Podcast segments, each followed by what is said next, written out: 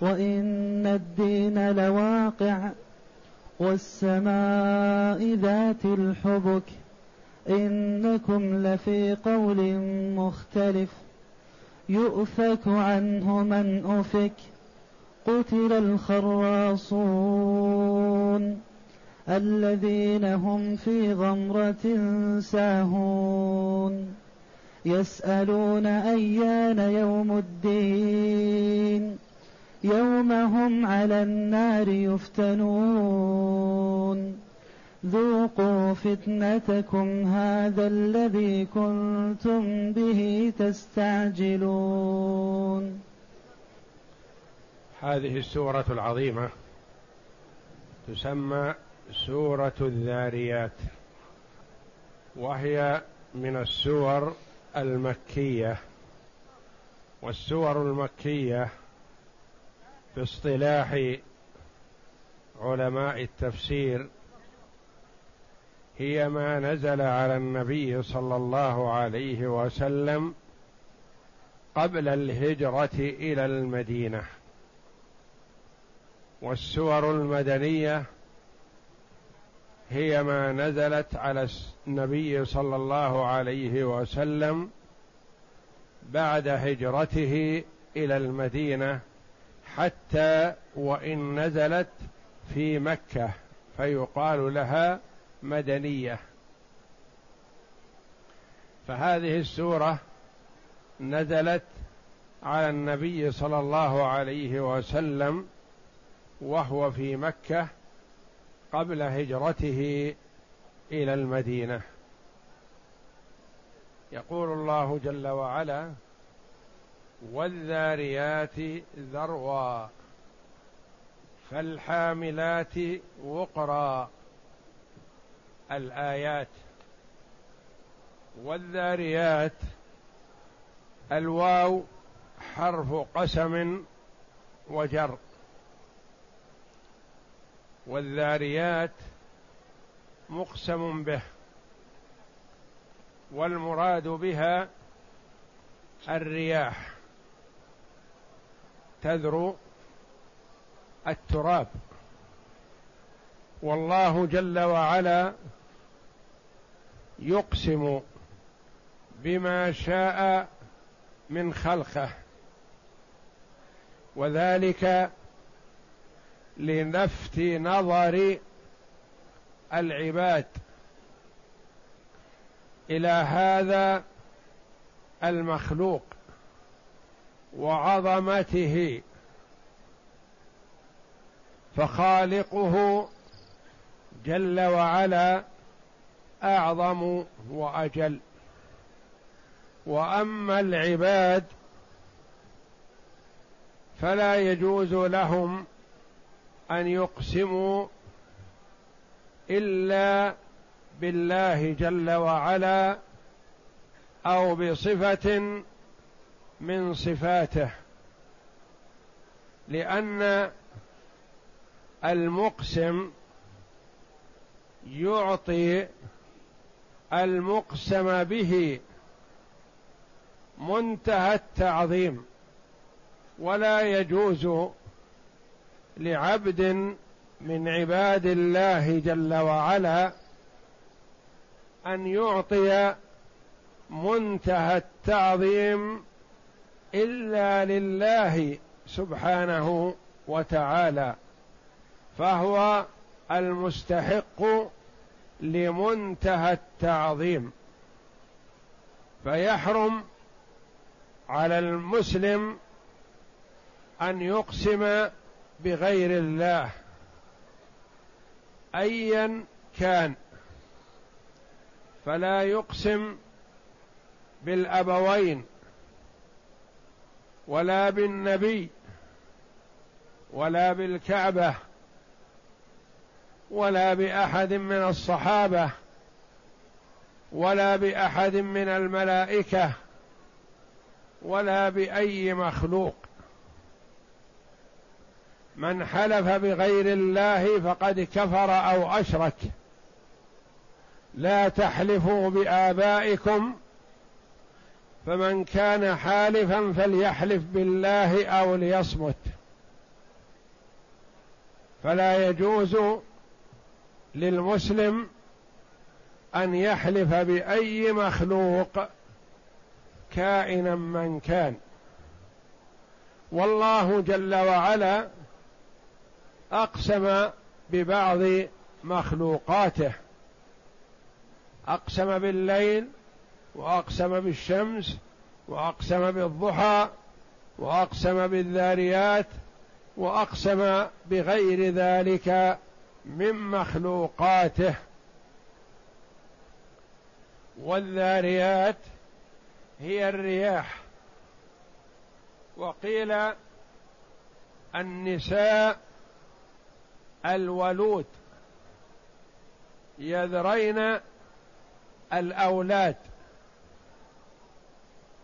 والذاريات ذروا فالحاملات وقرا. الحاملات قيل السحب تحمل الحمل الثقيل الذي هو المطر الماء الذي فيها. وقرا يعني حملة.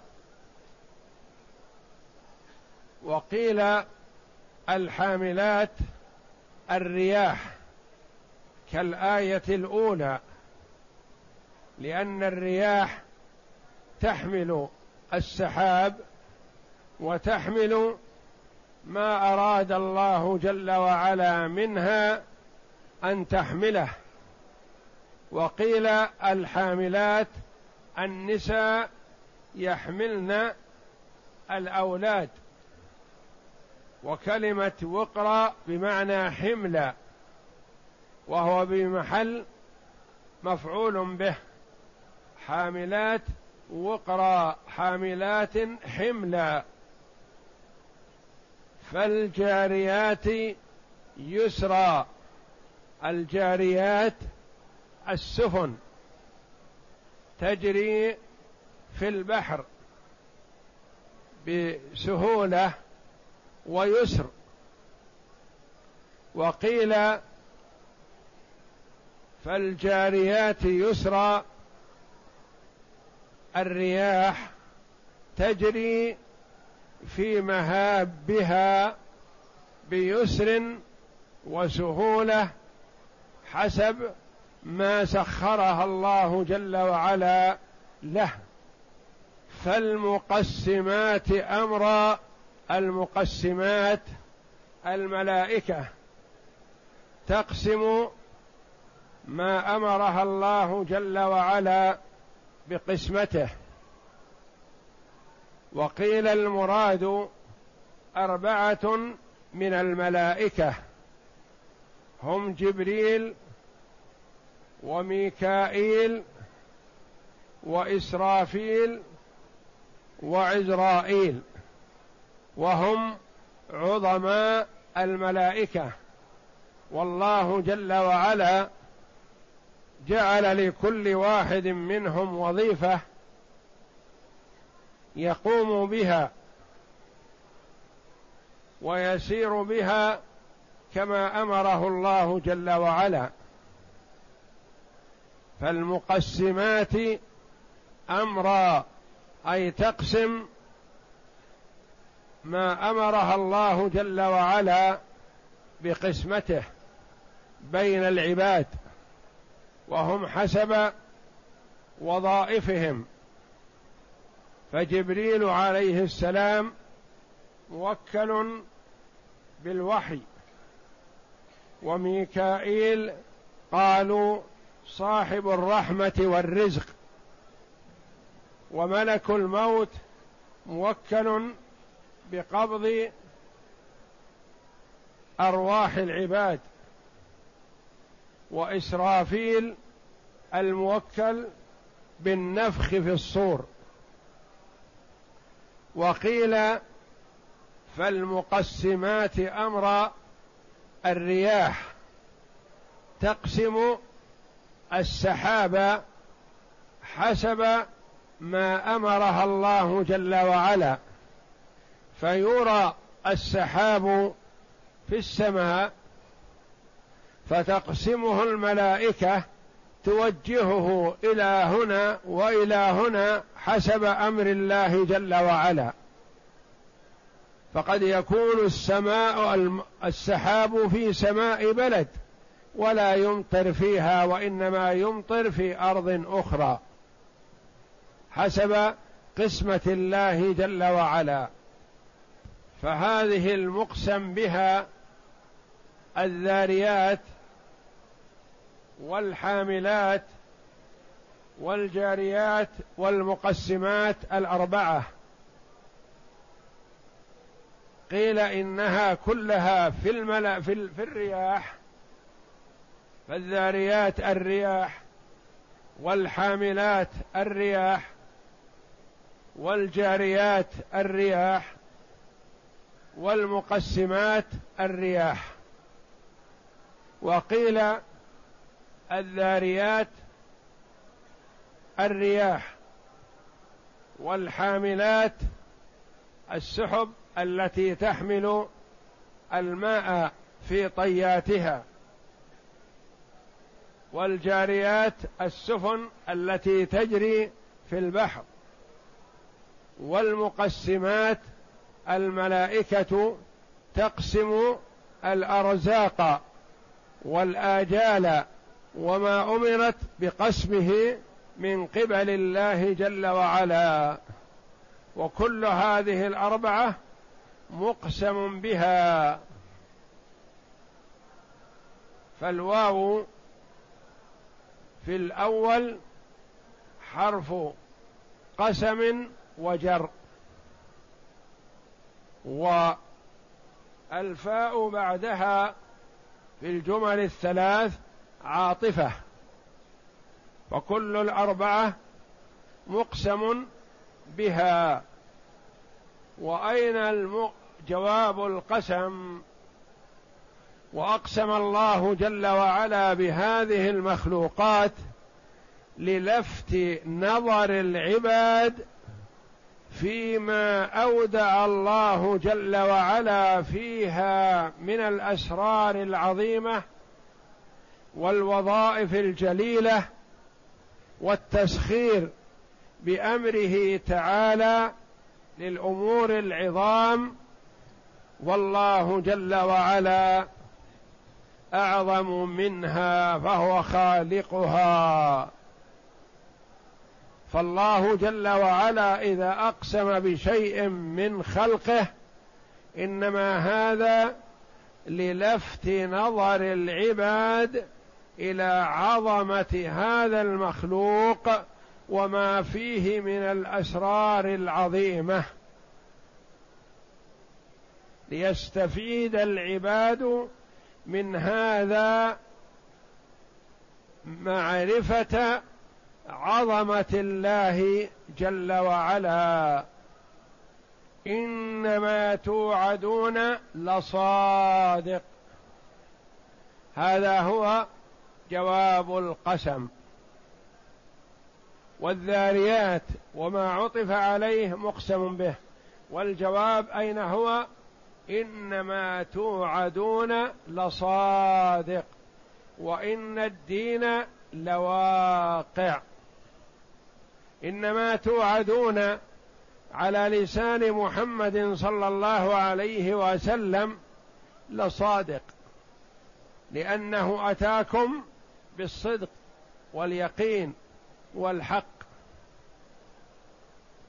وهو جل وعلا يقسم بهذه المخلوقات بأن ما جاء به محمد صلى الله عليه وسلم صدق ولا شك فيه. وإن الدين لواقع.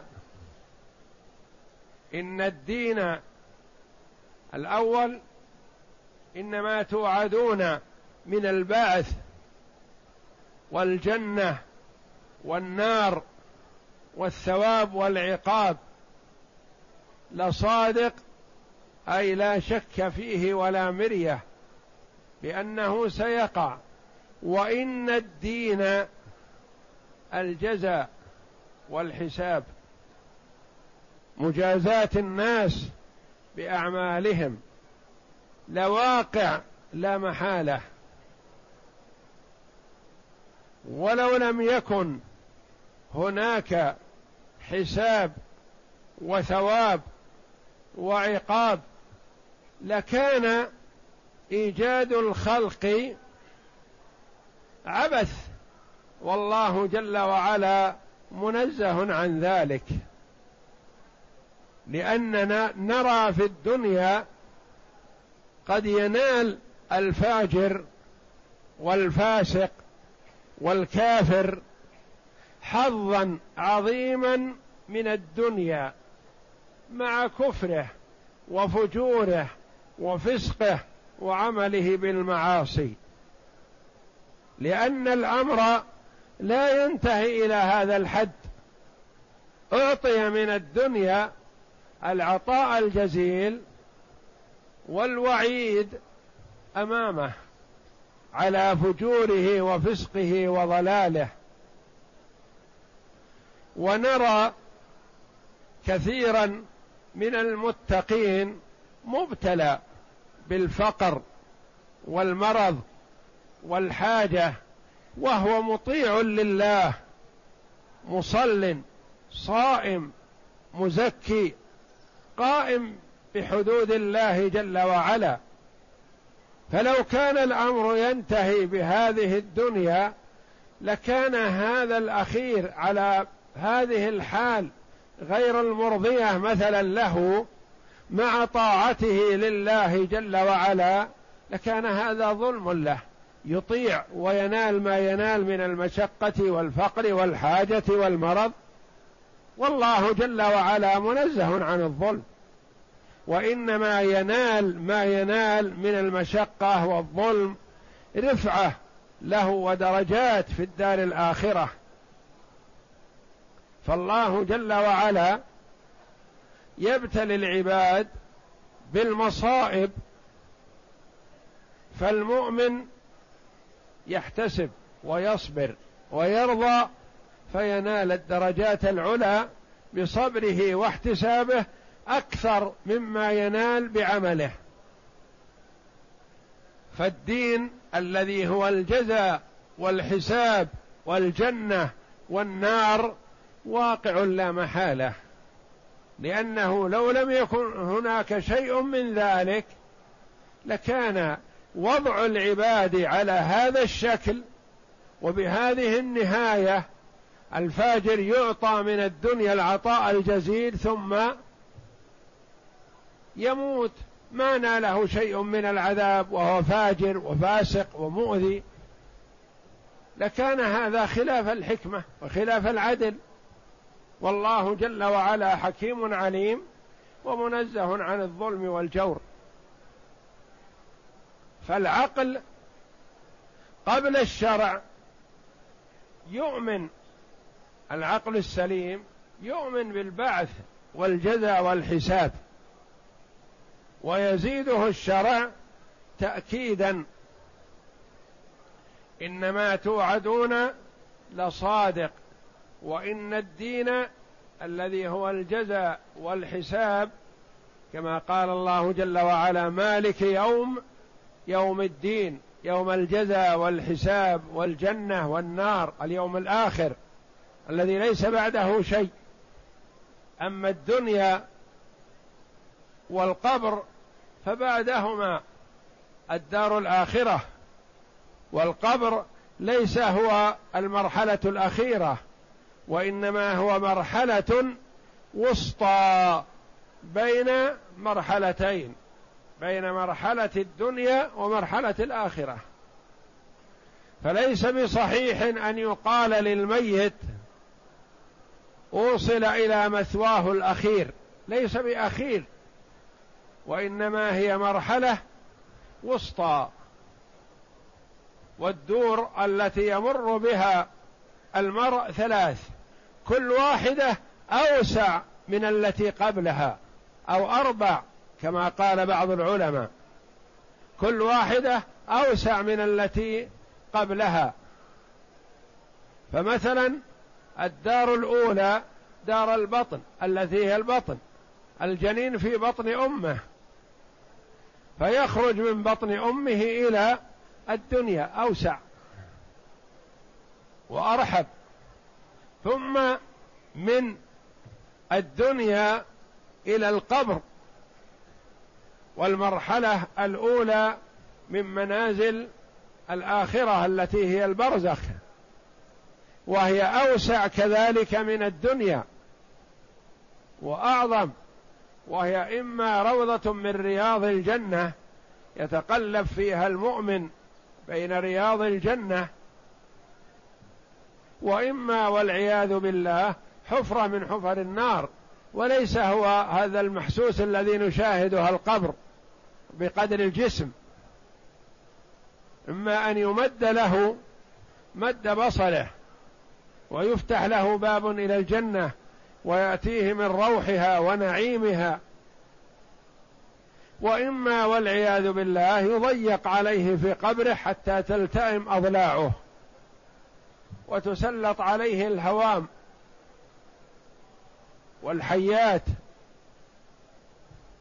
والزبانية تضربه بمرزبة من حديد فهو حال أوسع من حال الدنيا.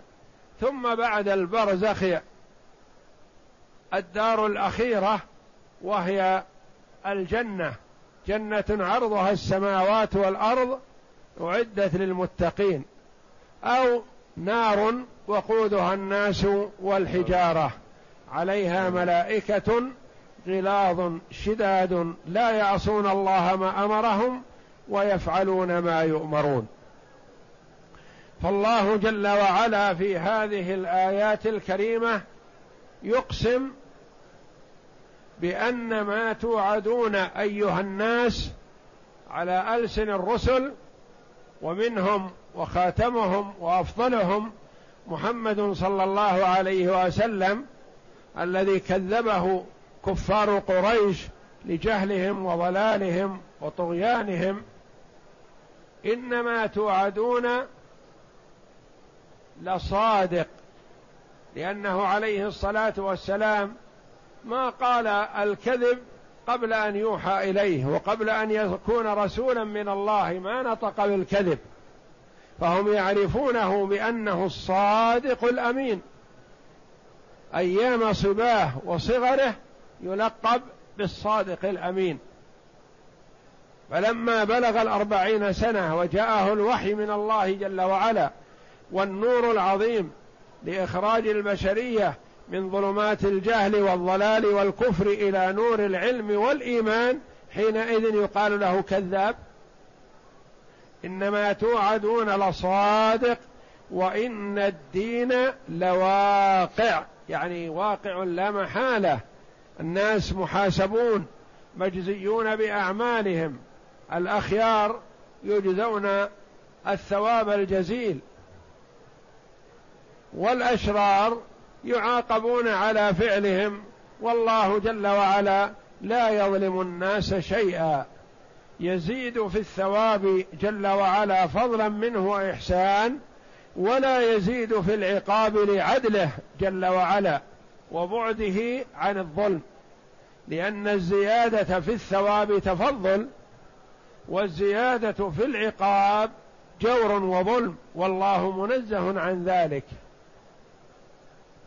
قال شعبة قال شعبة بن الحجاج عن أمير المؤمنين علي بن أبي طالب أنه صعد منبر الكوفة فقال لا تسألوني عن آية في كتاب الله ولا عن سنة ولا عن سنة من سنن رسول الله صلى الله عليه وسلم إلا أنبأتكم بذلك.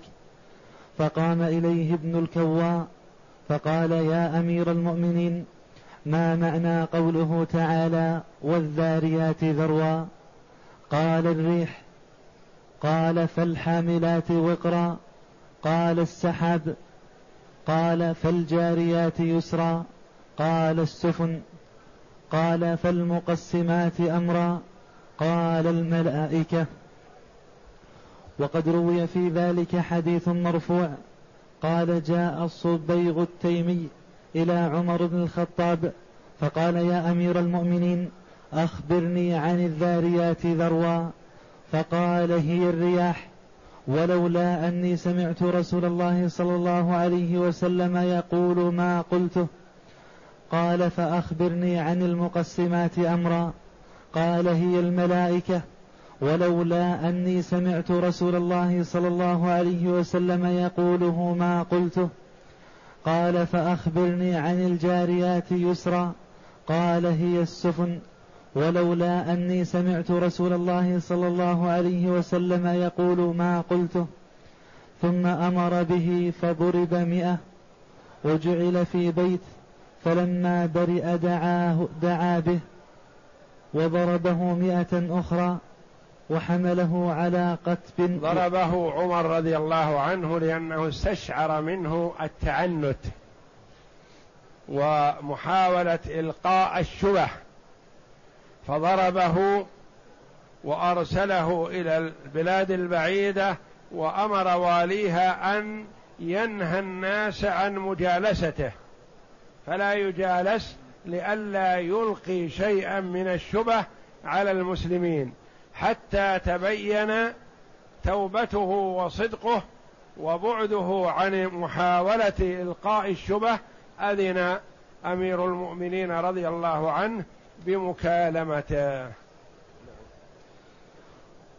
وحمله على قتب وكتب إلى أبي موسى الأشعري امنع الناس من مجالسته فلم يزل كذلك حتى أتى أبا موسى فحلف بالأيمان الغليظة. ما يجد في نفسه ما كان يجد شيئا. فكتب يعني كان أول يجد في نفسه شيء لكنه زال. وهذا من فراسة عمر رضي الله عنه. إن صحت الرواية فالله أعلم. نعم. فكتب ذلك إلى عمر فكتب عمر ما إخاله إلا صدق فخل بينه وبين مجالسة الناس. يعني لا مانع أن يجالسوه. ثم قال والسماء ذات الحبك. قال ابن جل وعلا والسماء ذات الحبك. هذا قسم آخر. القسم الأول انتهى بالمقسم به والمقسم عليه. ثم أقسم جل وعلا قسما آخر فقال والسماء ذات الحبك.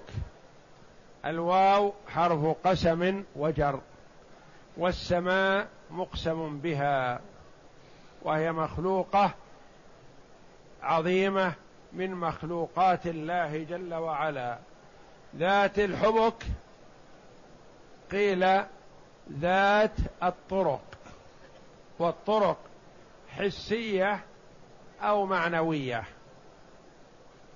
وقيل الحبك الإتقان والجودة. وقيل الحبك الجميلة الحسنة المحسنة بالنجوم.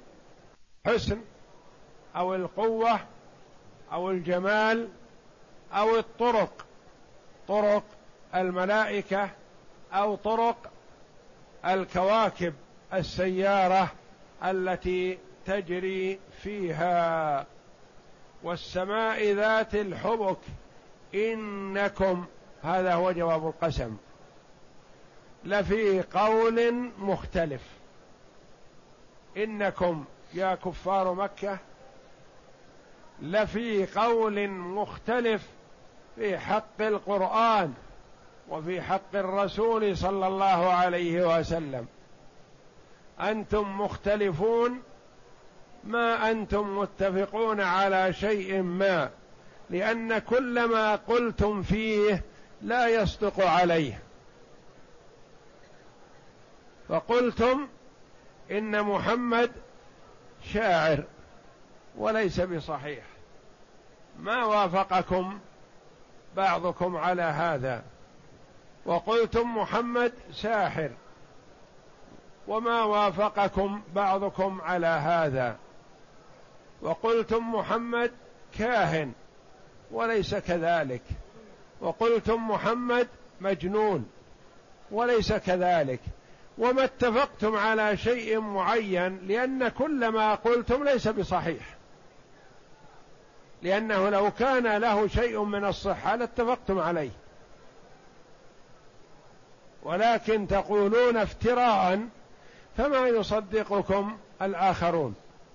إنكم لفي قول مختلف وتقولون في القرآن إنه سحر أو كهانة أو شعر أو كذب.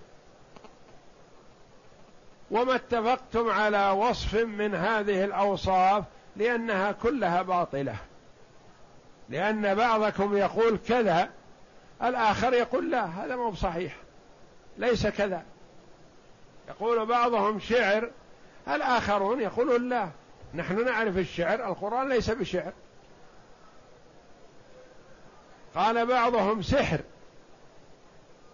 لأنه يفرق بين المرء وزوجه يفرق بين الولد وابنه يفرق بين الأخ وأخيه يعني بالإسلام. قال الآخرون لا نحن نعرف السحر. السحر نعرفه ما ينطبق على هذا الذي يأتي به محمد. ما يصلح أن يقال له سحر. كلام عظيم جيد.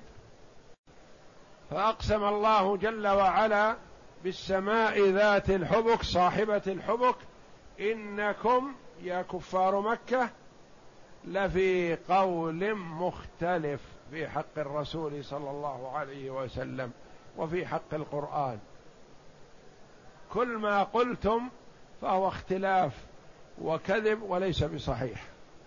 ما ينطبق عليه. يؤفك عنه من أفك. يؤفك الإفك الصرف يصرف عنه. من أفك. والمراد الكفار. يصرف عن الإيمان بمحمد صلى الله عليه وسلم والقرآن من صرف من أراد الله جل وعلا شقاوته وهلاكه. يصرف عن الحق. ما يوفق لقول الحق والأخذ به.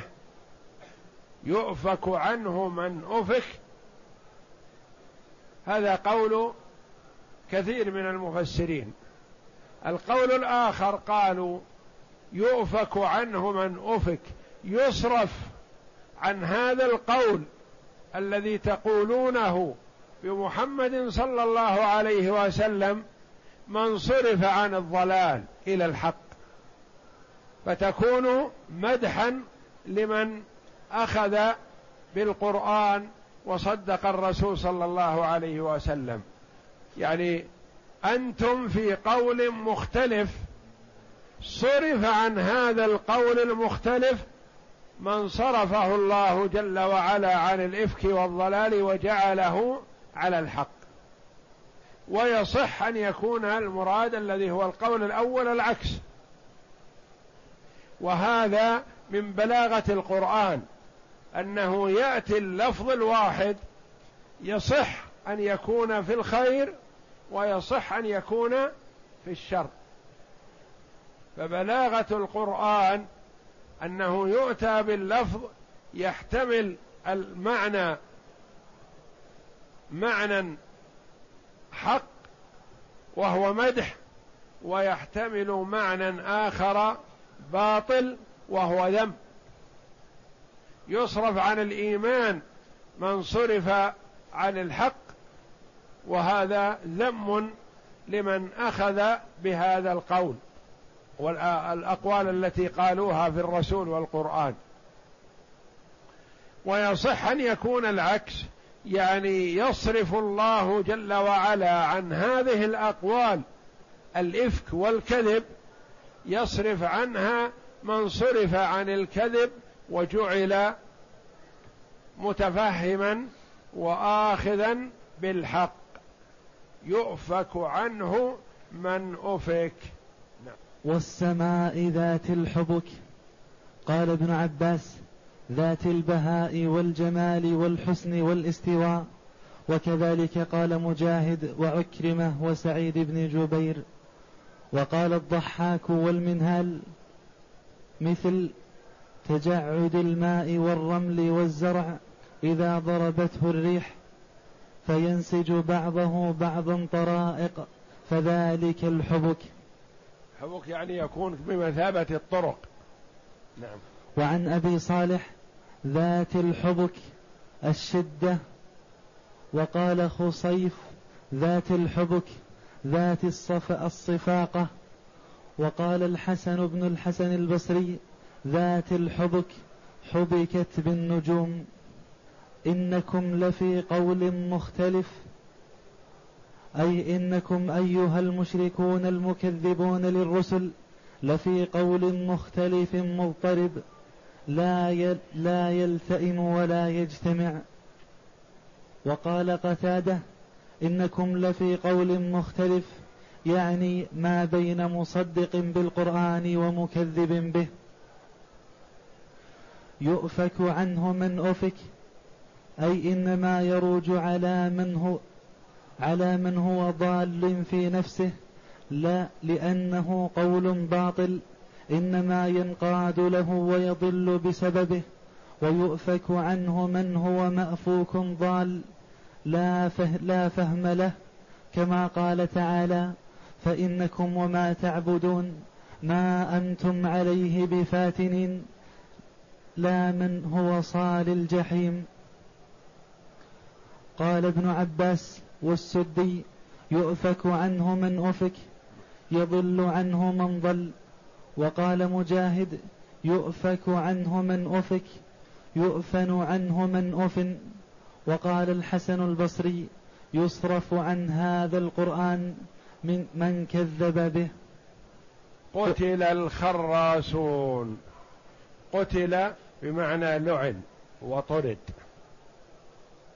كما قال الله جل وعلا قتل الإنسان ما أكفره. وفي قوله تعالى قاتلهم الله أن يؤفكون. بمعنى لعنهم. لأن القتل إزهاق للروح. واللعن طرد من رحمة الله. فبينهما تشابه. في الحرمان في القتل من الحياة وفي اللعن الحرمان من الخير والسعادة الأبدية. قتل الخراصون. لعن الخراصون المتخرصون. يعني الذي يقول في القرآن ويقول في الرسول صلى الله عليه وسلم بناء على تخرصه وهواه. لا يقول شيئا مبنيا على حق. وعلى براهين وإنما مبني على افتراء. والخراس الذي يقول الشيء بناء على تخمينه وظنه. ولذا سمي الذي يقدر أو يبين مقادير التمور أو الزروع خراس يعني يخرس يخرس الثمر. يقول هذا الثمر الآن مثلا يعادل مثلا ألف كيلو وإذا يبس يقدر بثمانمائة كيلو وهكذا. فأولئك سموا خراصون لأنهم يخرصون الثمار وهؤلاء خراصون لأنهم يقولون برأيهم البعيد عن الصواب والحق يعني يتخرصون ويجتنبون الحق والصواب ويقولون قولا ضالا.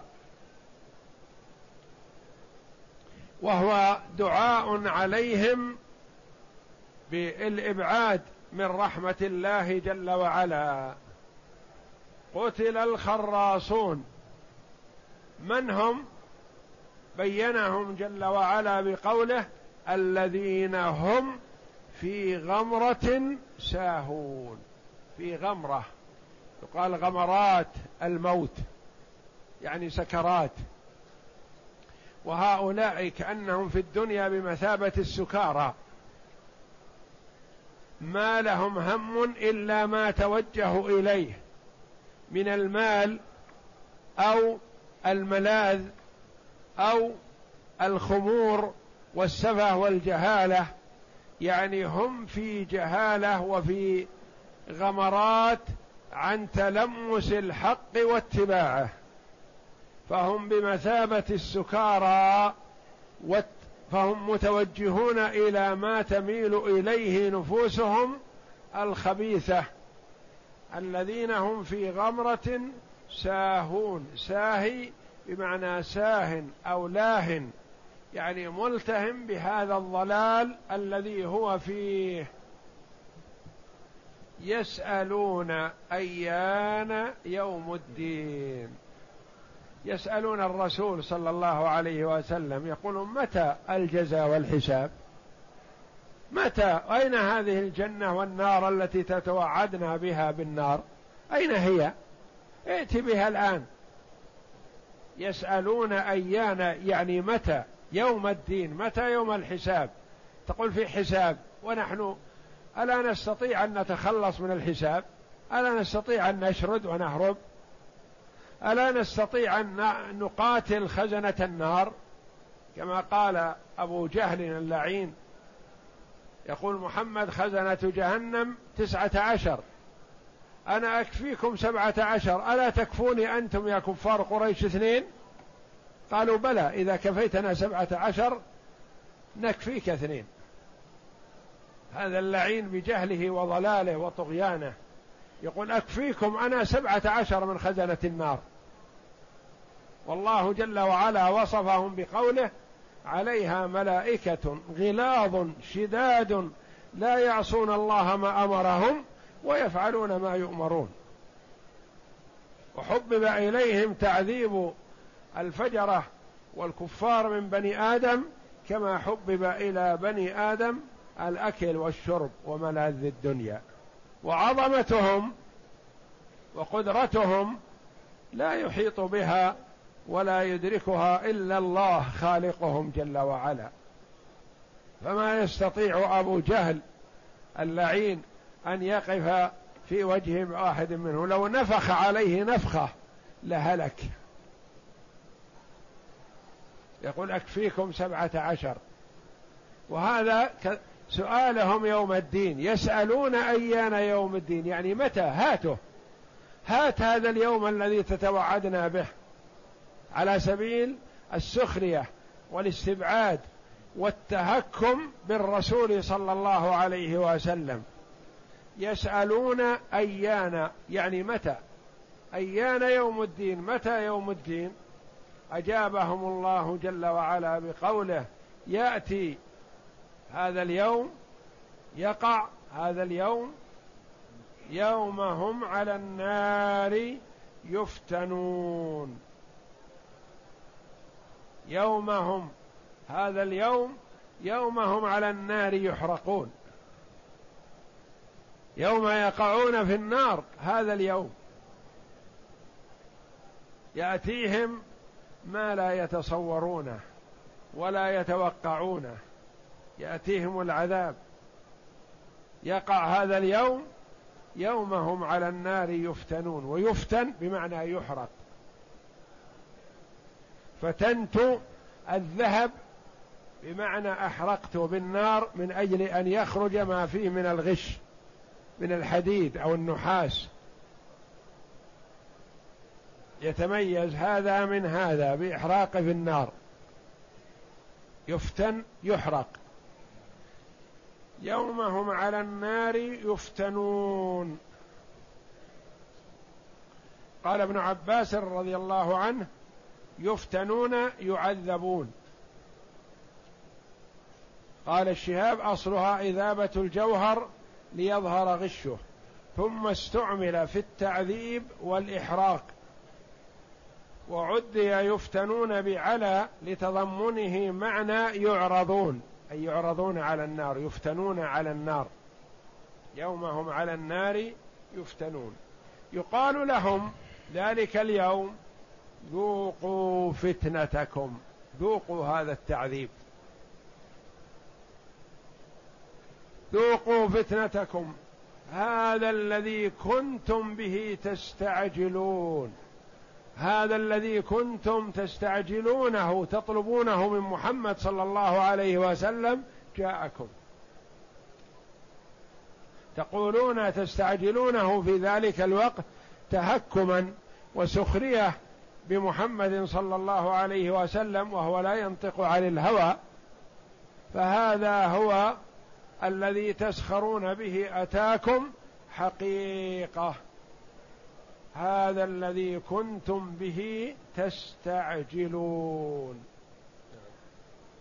قتل الخراصون الكذابون والخراصون الذين يقولون لا نبعث ولا يوقنون الذين هم في غمرة ساهون ساهون في الكفر والشك غافلون لاهون يسألون أيان يوم الدين وإنما يقولون هذا تكذيبا وعنادا وشكا واستبعادا. يعني ما كانوا يسألون استرشاد ويطلبون الفائدة أو أنهم خائفون من ذلك اليوم ليستعدوا له.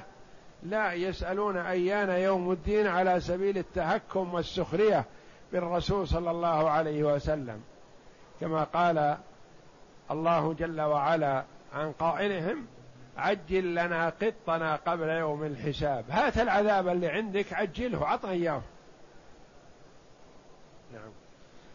يوم هم على النار يفتنون يعذبون. قال مجاهد كما يفتن الذهب على النار. ذوقوا فتنتكم. قال مجاهد حريقكم. وقال غيره عذابكم. هذا الذي كنتم به تستعجلون. أن يقال لهم ذلك تقريعا وتوبيخا وتحقيرا وتصغيرا. والله أعلم. وصلى الله وسلم وبارك على عبد ورسول نبينا محمد وعلى آله وصحبه أجمعين.